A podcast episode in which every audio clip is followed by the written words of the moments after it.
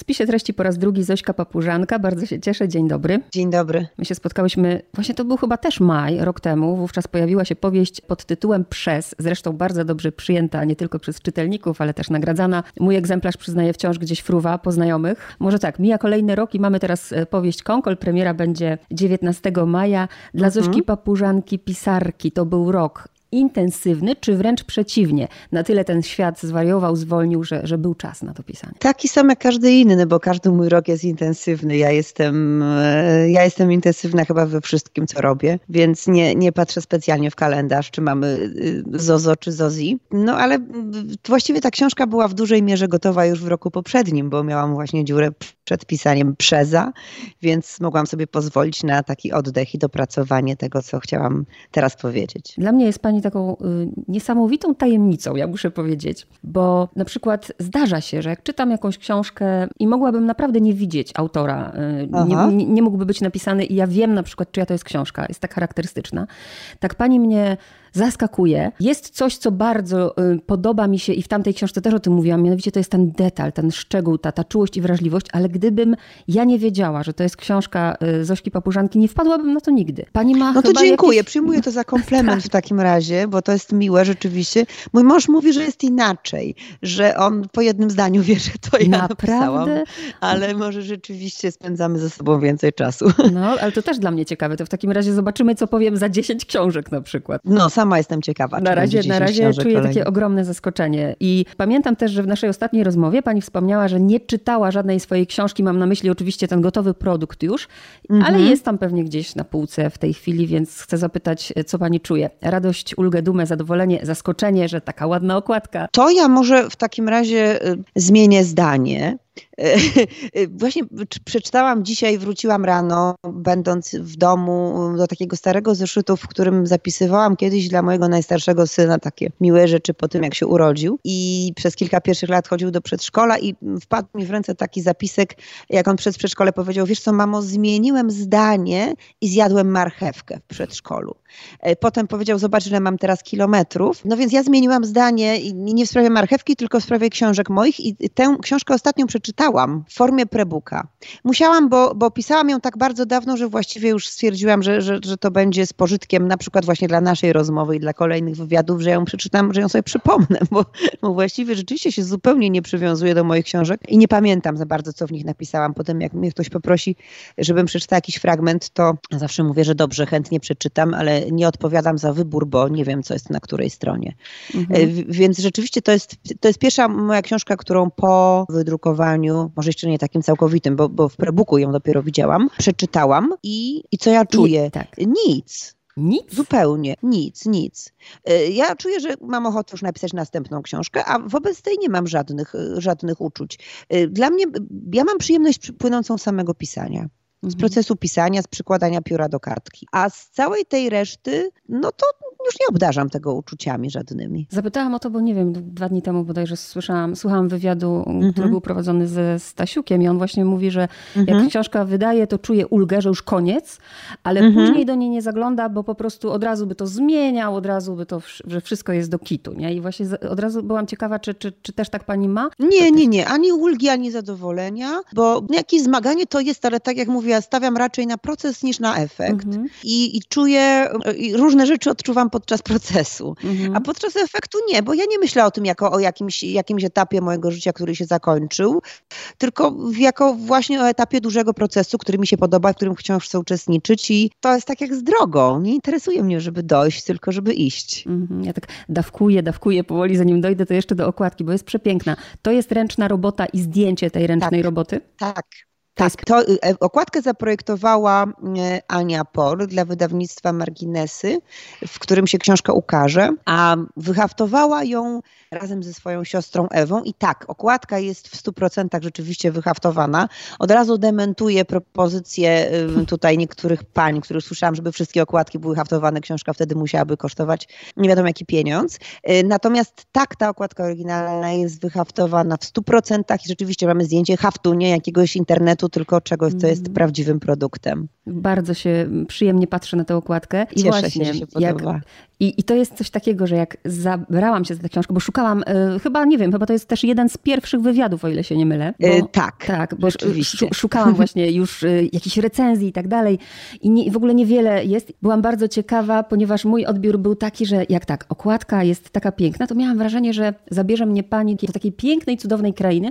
Okazało się, że ta kraina jest piękna, ale zupełnie inaczej. I teraz tu jakby słuchaczom, bo to musimy powiedzieć na takim oczywiście ogólnym poziomie, że mamy tutaj po prostu rodzinę, dwa plus trzy. Chciałoby się taką powiedzieć typową rodzinę. Nie wiem, czy słusznie umiejscowiłam, to jest moje, tylko i wyłącznie moje, bo tu nie pada mhm. rok, ale umiejscowiłam sobie to lato i te wakacje na 89. No ja tak dokładnie nie umiejscawiałam, ale możemy się, coś, możemy się zgodzić. Mhm. I, teraz, I teraz dużo jest tu w ogóle z mojego dzieciństwa, do, do, tego dojdę, ale teraz pytanie takie, kto jest narratorką? Bo z jednej strony wydaje się, że jest nią ta jedenastolatka, ta dziewczyna, która mhm. daje do szóstej klasy, jedzie z rodzicami, mhm. ale za chwilę wydaje mi się, że ta dziewczyna mm, jeszcze tam daje pani kawałek narracji babce Karolinie i tej dorosłej mhm. jedenastolatce, ale teraz chcę wiedzieć, przez co ta jedenastolatka patrzy na świat, bo ona jest dla mnie, to jest dla mnie fenomenem, że w tej jednej narracji to ona patrzy na świat, ale jednocześnie ten świat widzi już z perspektywy osoby dorosłej, tak jakby była dla mnie niezwykle dojrzałą osobą, jak na te 11 lat. E, no albo jest dzieckiem rzeczywiście bardzo dojrzałym, albo ja nie potrafię się wyzbyć e, tego sposobu patrzenia już dorosłego człowieka i jego perspektywy. Myślę sobie, że gdybyśmy przyjęli taką stuprocentową narrację dziecięcą, stylizowaną, to myślę, że to mocno by właśnie pachniało stylizacją i sztucznością, której, której nie lubię. Nie wiem, czy potrafiłabym tak bardzo się wmusić w jedenastolatkę, żeby pisać tak rzeczywiście jak, jak jedenastolatka. Natomiast mogę, i to jest dla mnie interesujące, pisać jak osoba, która ma lat 43. Nie wiem, czy to się wypada publicznie przyznawać wypada. już w tym wieku. E, Też tyle mam. Ale, ale patrząc oczami, oczami jedenastolatki, którymi kiedyś patrzyłam i myślę, że ta perspektywa jest, jest ciekawsza i jest szersza, bo ona daje, daje takie spojrzenie narratora, który widzi więcej, widzi konsekwencje pewnych czynów, pewnych wyborów i również e, dostrzega no właśnie, dobre i złe strony tego, że się patrzy na świat jak dziecko. I myślę, że taką perspektywę można osiągnąć tylko kiedy się już jest starym. Mm, ale jest to tak właśnie sprytnie zrobione, bo ten wyraźny podział mamy później na końcu, prawda, kiedy ona już odwiedza i mhm. ogląda sobie wnuki swojej bejatki, ale tu to tak jakby właśnie nad tą jedenastolatką, która jest narratorką w tym danym momencie, jeszcze był ktoś nad, taki nienazwany. I to, to mhm. takie ciekawe było.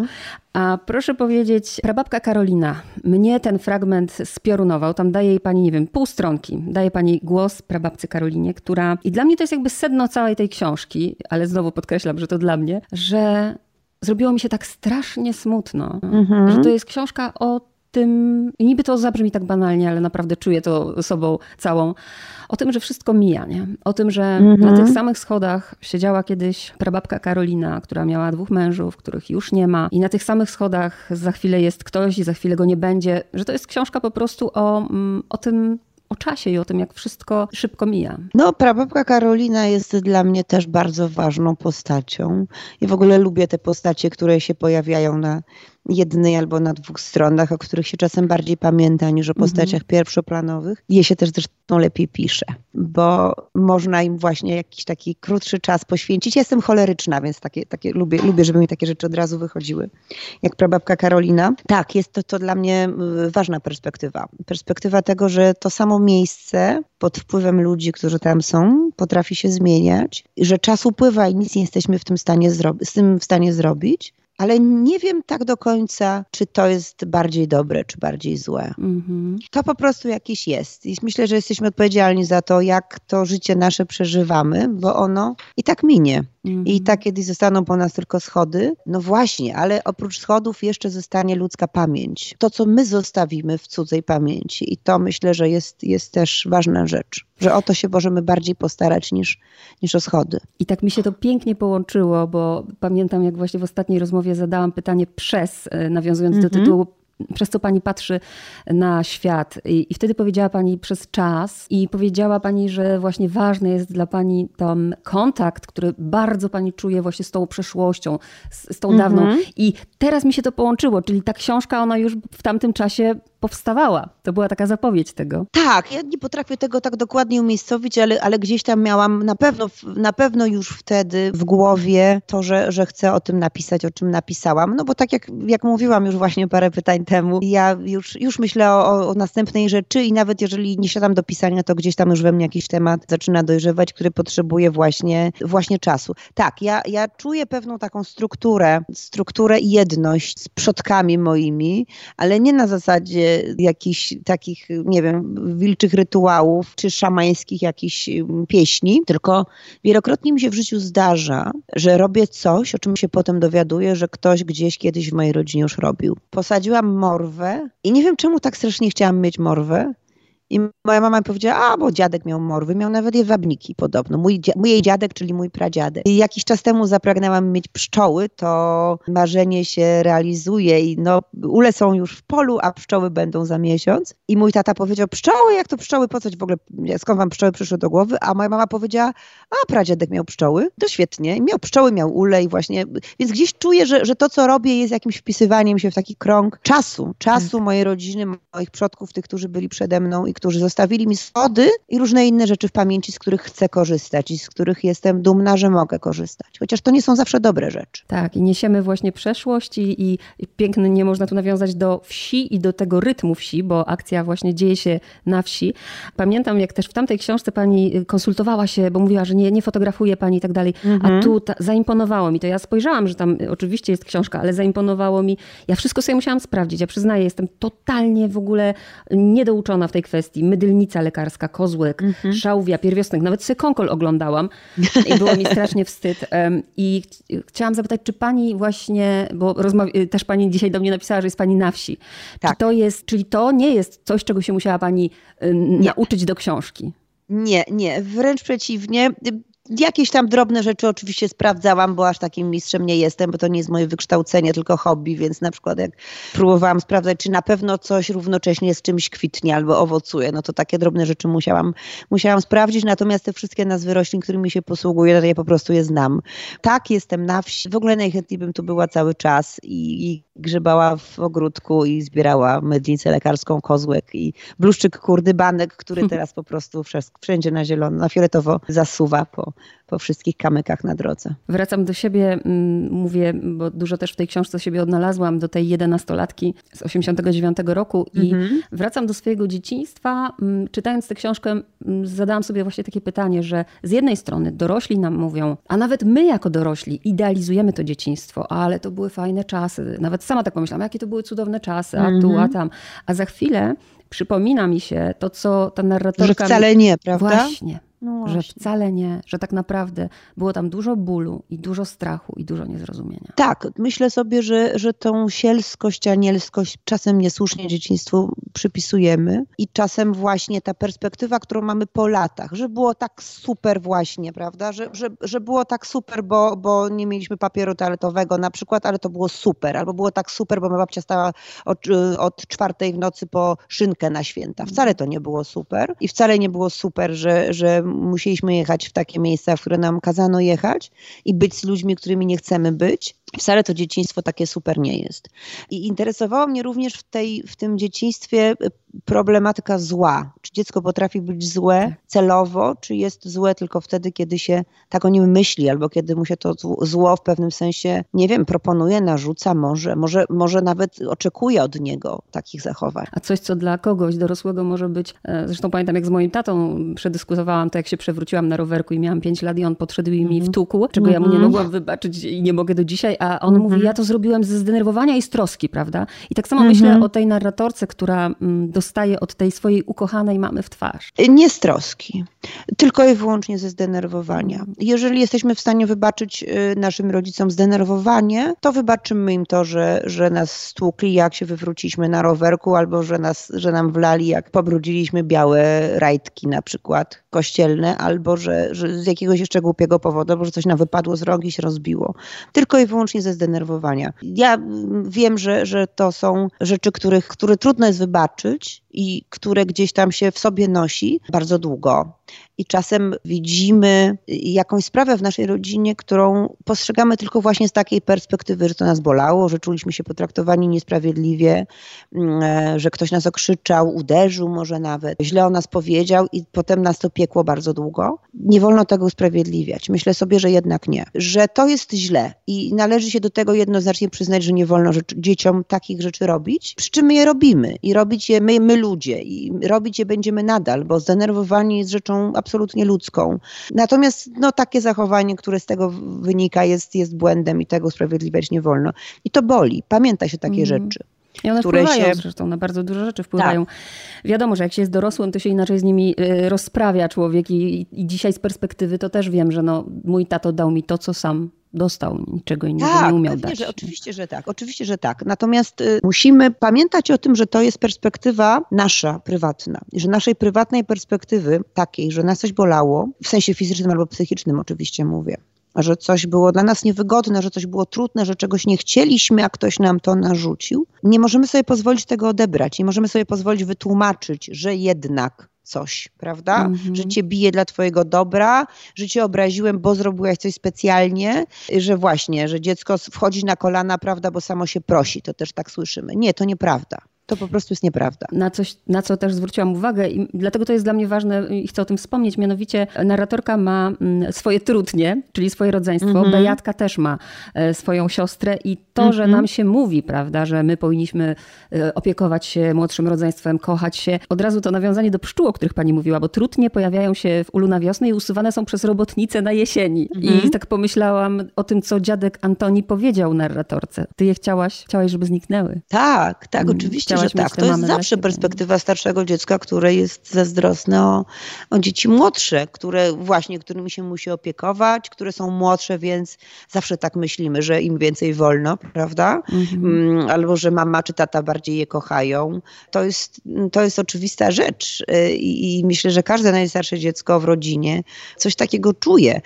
Trudno jest sobie z tym poradzić. Trudno jest y, wychować dzieci tak, żeby nie były nawzajem o siebie zazdrosne. Właściwie nawet nie wiem, czy to jest możliwe. Trudno jest sprawić, żeby myślały, że są dla nas tak samo ważne, bez względu na to, czy są starsze, czy młodsze. Myślę, że jedyną możliwością jest to, żeby poświęcić im czas każdemu z osobna a nie właśnie razem. Nie mm. starać się na siłę stwarzać takiego dzieciństwa razem z młodszą siostrzyczką czy z młodszym braciszkiem, tylko dać dziecku trochę czasu osobno. I to, to, to dziecko, które jest narratorem w mojej powieści, ta 11-letnia dziewczynka, nie ma takiego czasu. Ona wielbi swoją matkę, patrzy z podziwem na swojego ojca, z którym właściwie nie ma kontaktu i chciałaby każdego z nich mieć dla siebie trochę osobno. I tego nie ma. I jeszcze dwie kwestie.